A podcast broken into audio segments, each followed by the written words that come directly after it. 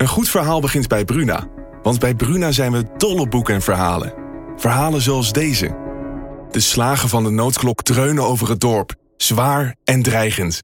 Ze overstemmen de gemoedelijke drukte op de markt. En alle handelingen vallen stil. Wat zou er aan de hand zijn? vraagt Oda ongerust. Wil jij weten hoe dit afloopt? Je leest het in Bloedlijn van Simone van der Vlucht. Nu bij Bruna. Een goed verhaal begint bij Bruna. Want bij Bruna zijn we dol op boeken en verhalen. Verhalen zoals deze. Het nieuws reist je snel, zoals dat soort nieuws doet. Ik wist dat het ook over jou ging, zodra het eerste bericht uit Parijs kwam. Bijna zes jaar geleden nu. Op een vrijdag de dertiende. Een datum als een slechte grap. Jij was de rook, Flo, en op jouw profiel bleef het stil. Wil jij weten hoe dit afloopt? Je leest het in Luister van Sascha Bronwasser. Nu bij Bruna. Meldkamer Drenthe, goedenavond. Ja, goedenavond. Dat meisje dat vermist is uit Kokangen, dat is nog niet dood hoor. Jullie, maar ik weet verder ook niet. Daar. De podcast die je nu gaat luisteren begint op 15 januari 1992 in een klein Drents dorpje met de naam Koekangen in de buurt van Meppel. Het is wintertijd, het is donker. Dus op dat moment kun je eigenlijk al niet zoveel meer doen. En uh, we hebben gezegd van nou, dan komen we de volgende dag nog weer. In Koekangen woont op dat moment een weesmeisje van 15 bij een pleeggezin. Ze heet Willeke. Ze rijdt paard, heeft een cavia en gaat naar school in Meppel.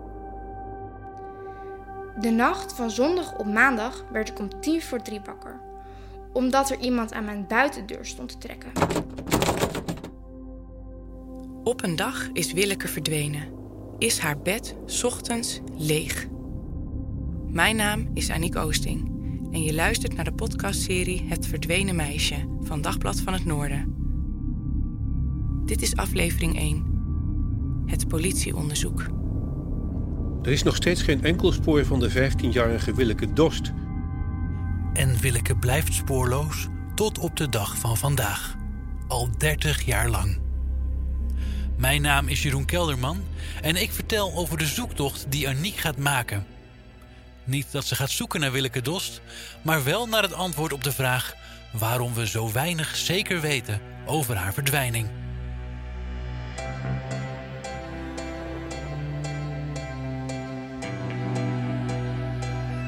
Sinds afgelopen woensdagmorgen wordt vermist de 15-jarige Willeke Dorst uit Koekangen. Het meisje is ongeveer 1,75 meter lang. Ze heeft blond sluikhaar tot op de schouders, mogelijk in een paardenstaart. Mijn vader zou er niks op tegen hebben als ik met Lucky thuis zou komen. Want hij zegt dat leeftijd geen verschil uitmaakt. Ze is spoorloos verdwenen en in theorie, want je kan niks uitsluiten, zou ze bij wijze van spreken ergens kunnen leven. Een leven vol ramp en tegenspoed leidt uiteindelijk tot een van de meest raadselachtige verdwijningen in Nederland. Het verhaal van Willeke Dost is een groot raadsel en het houdt mij ook nog steeds bezig. Leeft ze nog? Is ze dood? Iemand moet toch iets weten? Wie houdt zijn lippen al 30 jaar stijf op elkaar? Ze had toch zomaar eens een keer kunnen bellen en dan is nooit gebeurd. Hij is wat moeilijk te verstaan, maar dit is de stem van Piet Mulders, de pleegvader van Willeke.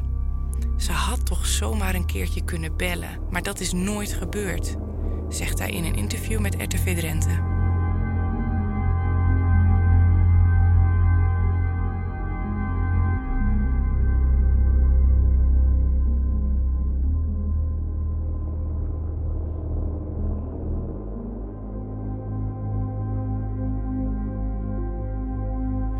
We hadden deze podcast kunnen beginnen bij de geboorte van Willeke Dost in Eerste Exloermond in november 1976. Of bij de dood van haar ouders een jaar later op tweede kerstdag. Maar dat doen we niet, daar hebben we het later over. We beginnen op de plek waar het meisje uit ons verhaal voor het laatst gezien is.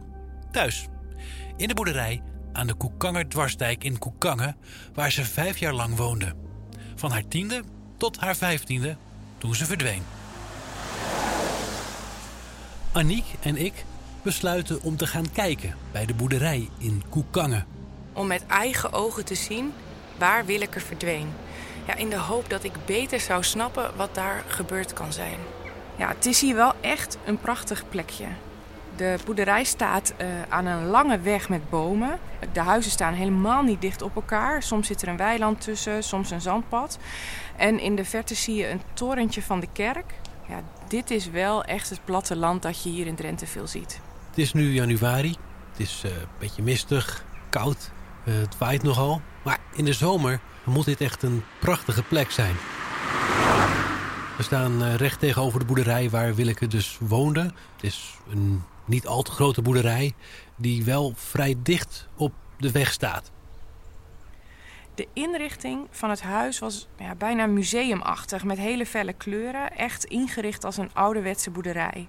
Eh, de kamer van Willeke die zat aan de zijkant van de boerderij naast de oprit. En ze had ook een eigen buitendeur, die zie je daar zitten.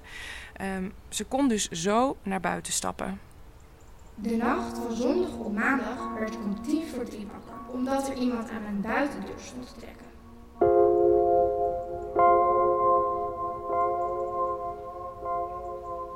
In de boerderij waar Aniek en Herman voor staan, wonen in januari 1992 vier mensen.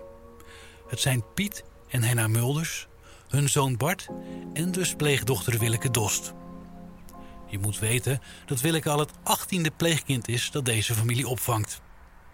De Mulders willen al voor het meisje komt stoppen als pleeggezin. Maar Willeke is een moeilijk geval dat nergens anders terecht kan. En daarom is ze toch welkom. Als je hier staat en je denkt aan al die verhalen die we kennen over Willeke, dan, dan kan ik het ook wel plaatsen. Um, van vriendinnetjes die hier ook wel kwamen logeren, ja, hebben we wel gehoord dat ze veel buiten was. Ja, dat kan hier gewoon heel goed. In de achtertuin was zelfs ruimte voor een paardenbak. Willeke hield ook erg van ravotten. Ze zat op scouting uh, en zat een eigen paardrakker. Uh, en een cavia die ze ook regelmatig buiten liet loslopen en anders in haar slaapkamer stond. En dit is de boerderij waar Willeke vijf jaar lang woonde, tot ze uiteindelijk verdween. Terug naar woensdag 15 januari 1992. Willeke komt die dag niet op school. En als ze later ook niet thuis komt, bellen haar pleegouders de politie. Ja, dus, uh, via de meldkamer kregen we bericht dat er uh, in Koekangen dus een uh, meisje vermist werd. Aan het woord is politieman Dick van Berkum. Onze collega's Frank Jeuring en Gert Meijer spraken hem in 2018. Van Berkum was in 1992 wachtmeester bij de Rijkspolitie. En samen met een collega pakt hij de en zaak toen op. was het uh, iets na tien, denk ik. En om 11 uur liep de dienst af. Een collega en ik die zei van, uh, wat doen we? Dragen we het over, want er komt dan nog vaak wel wat uh, langere werk achterweg. Ja. Dus, maar ja, bij een vermissing zijn de ouders ook vaak niet echt blij meer. Hij was niet uh, een beetje ontdaan vaak en dergelijke. Dus laten we maar gelijk die kant op gaan. Ja. Dan, uh, dan moesten ze eerst sowieso nog drie kwartier wachten.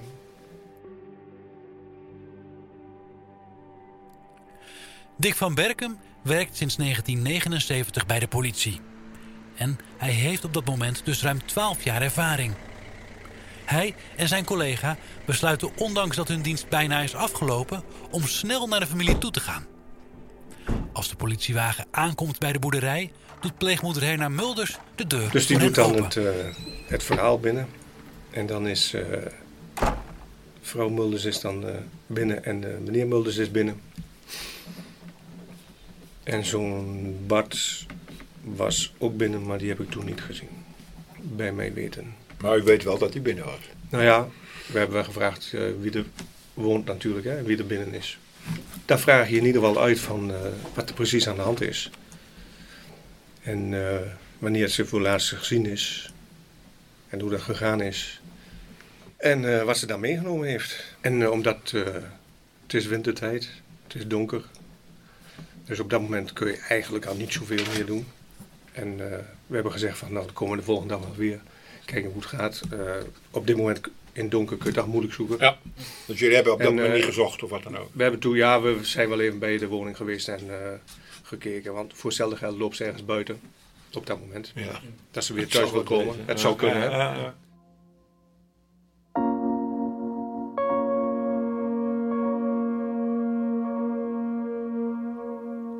De politiemannen komen bij de Mulders in huis, stellen wat vragen en kijken even rond. Maar cruciaal is wat de agenten niet doen. Ze praten namelijk niet met pleegbroer Bart. Onthoud dat maar even, want dat is een belangrijk detail in dit verhaal.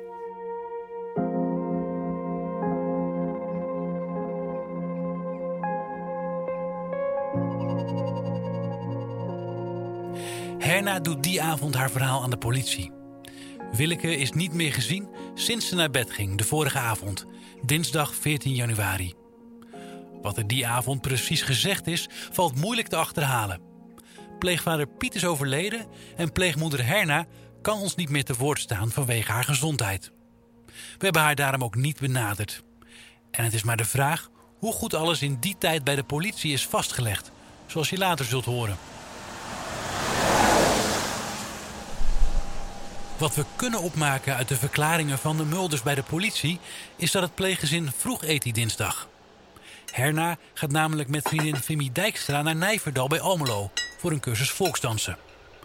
Dat is ongeveer een uurtje rijden vanuit Koekangen. Piet en Willeke doen de afwas en Herna wordt rond 6 uur opgehaald. Daarna gaan Willeke en Piet televisie kijken en rond een uur of tien s'avonds gaat het meisje douchen en naar haar kamer. Pleegbroer Bart moet die avond eigenlijk in Zwolle zijn voor een cursus Frans. Maar hij is thuis gebleven. Waarom, dat is niet helemaal duidelijk. Het kan zijn dat hij zich niet lekker voelde of dat hij geen zin had. In 2004 maakt het televisieprogramma Opsporing Verzocht een reconstructie van die laatste avond dat Willeke is gezien. Nou, ik vind eigenlijk niet zoveel aan. Ik ga douchen en naar bed. Wel rustig, huisje. Om tien over tien gaat Willeke naar bed. Pleegmoeder Herna vertelt dat ze die avond rond kwart over elf thuiskomt. Het was volgens haar een moeizame rit door storm en regen. De koplampen van de auto van haar vriendin beschijnen de schuurdeur die open staat. De schuur zit vast aan de boerderij en je kunt zo binnendoor het huis inlopen. Dat die open staat, valt Fimmy op, want dat is anders nooit zo. En ook Herna vindt het vreemd. De schuurdeur gaat altijd dicht, uit angst voor ongure types, zegt Herna in 2008. Ze vond het vervelend dat die deur niet op slot was.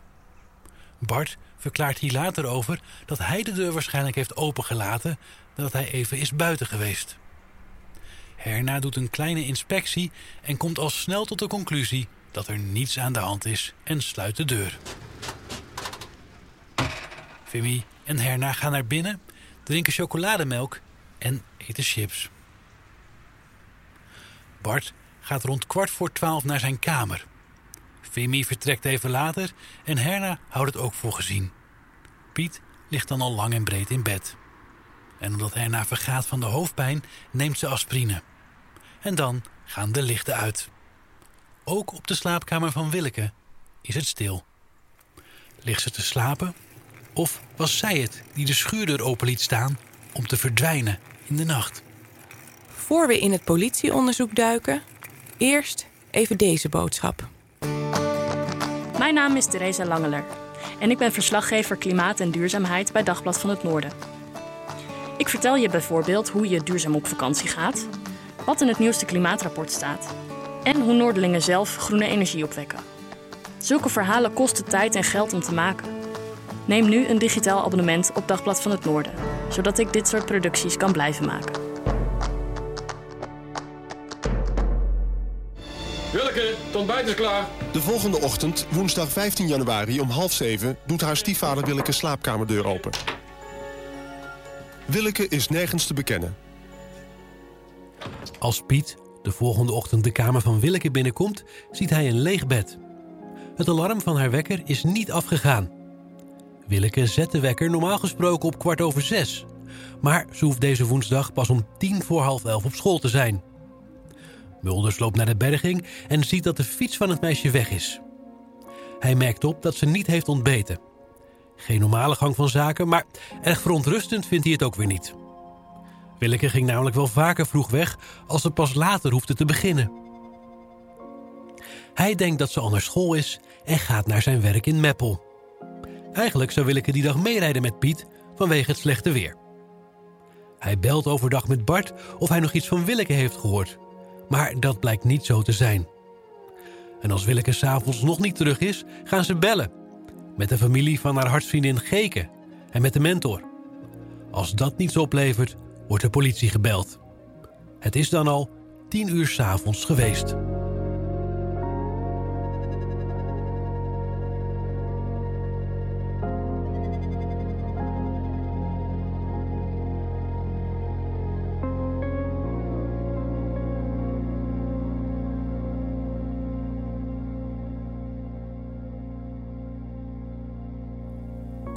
Wat je net hoorde over de laatste avond dat Willeke gezien is, is gebaseerd op verklaringen van Piet en Herna Mulders.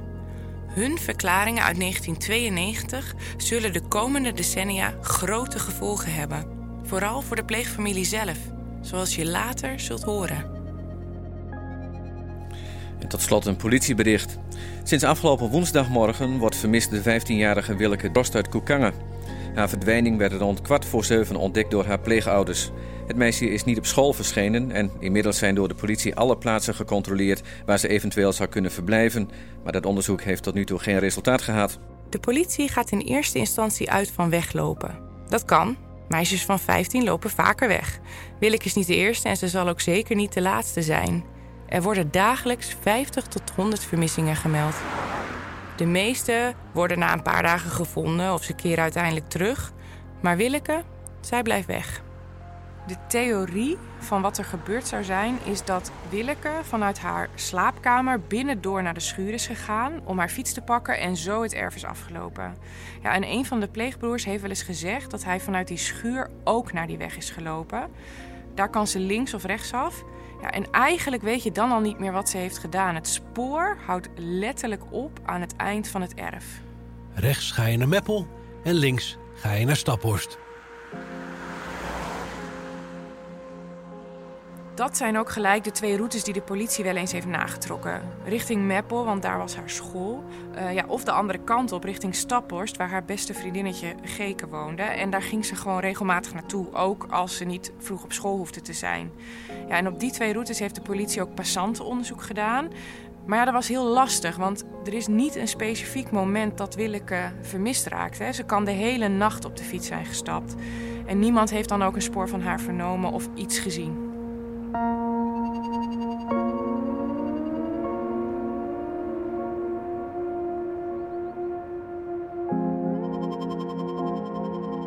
Willeke Dorst was op de dag van haar verdwijning gekleed in een donkerblauwe jas en ze droeg een lichtblauwe spijkerbroek.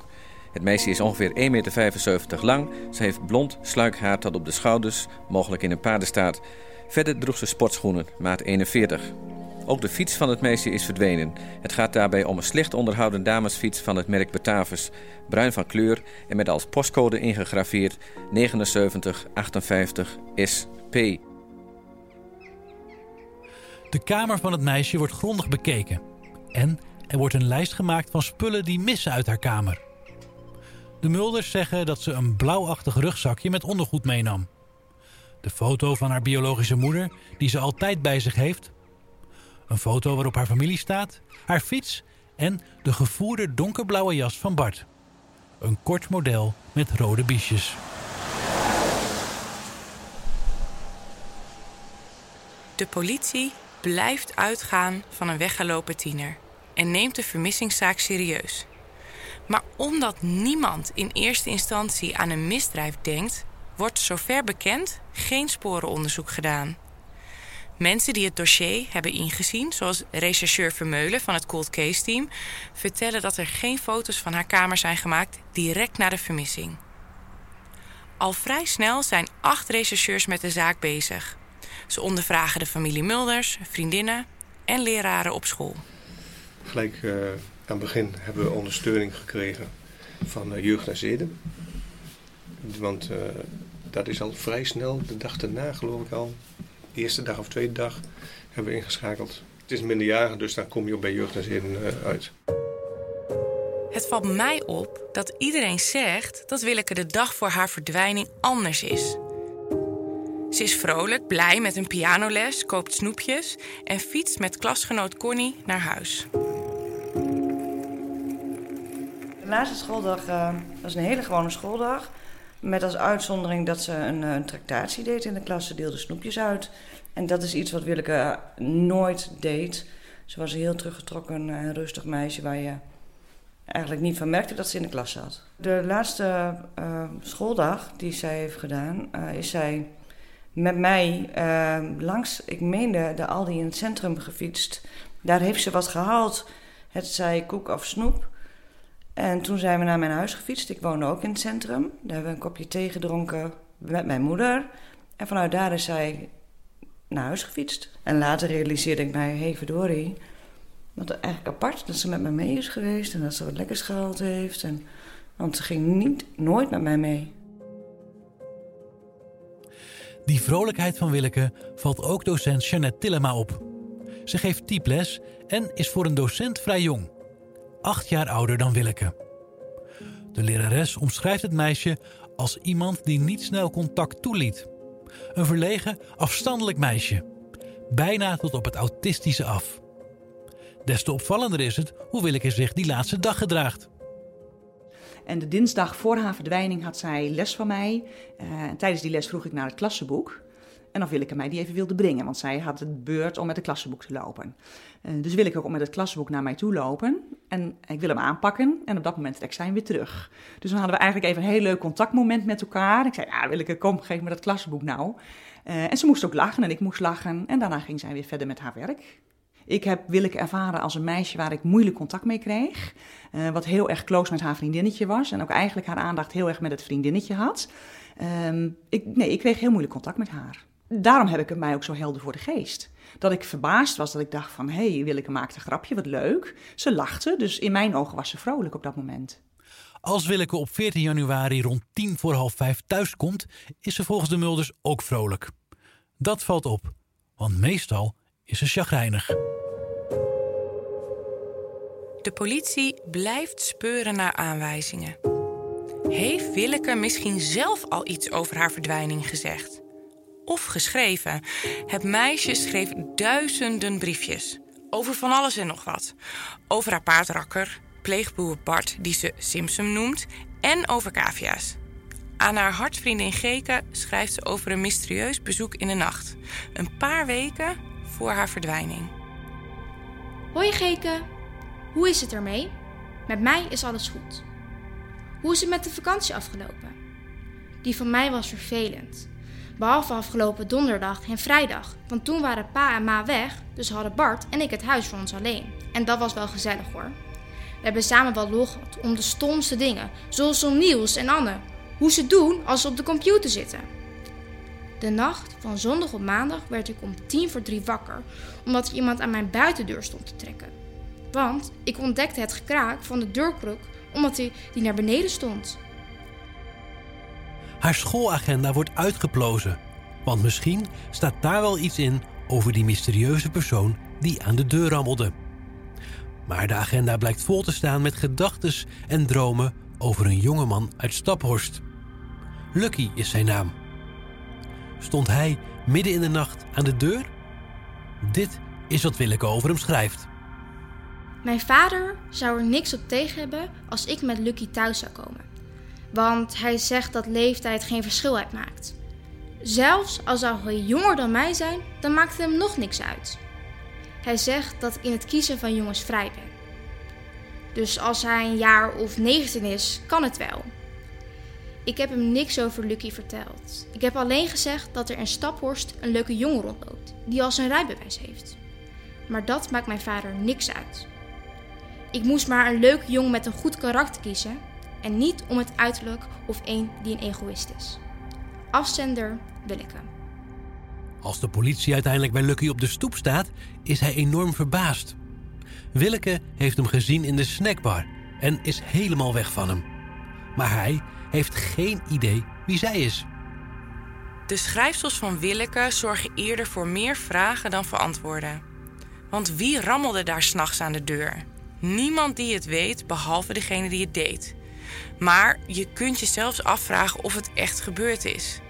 Willeke was een beschadigd meisje door alles wat ze heeft meegemaakt. En niet alles wat ze schreef of zei was waar. En dan is er nog dat mysterieuze telefoontje naar de meldkamer van de politie in Drenthe.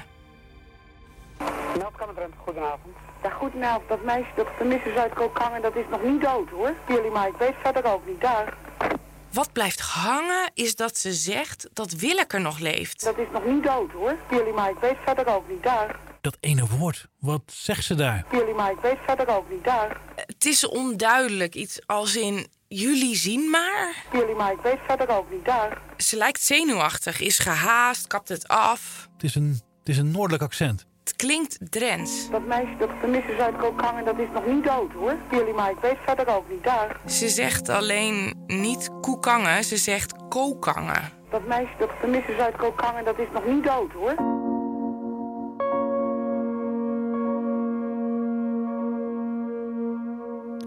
Het mysterieuze telefoontje komt drie weken na de vermissing van Willeke binnen bij de politie.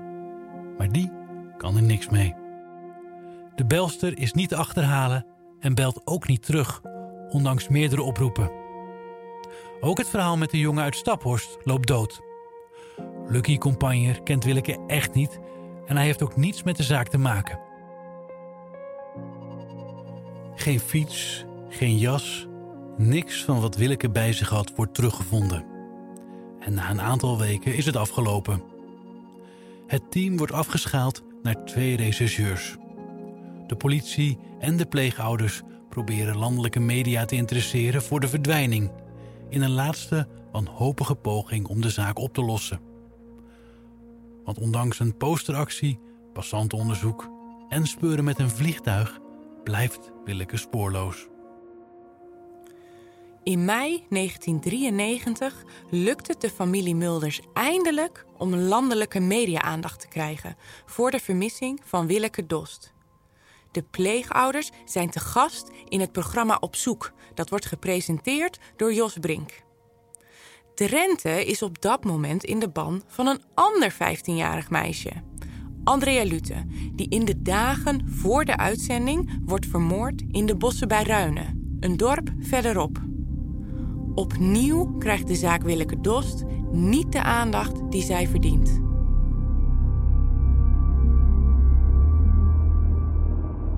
In de volgende aflevering hoor je wat voor meisje Willeke Dost nou eigenlijk was.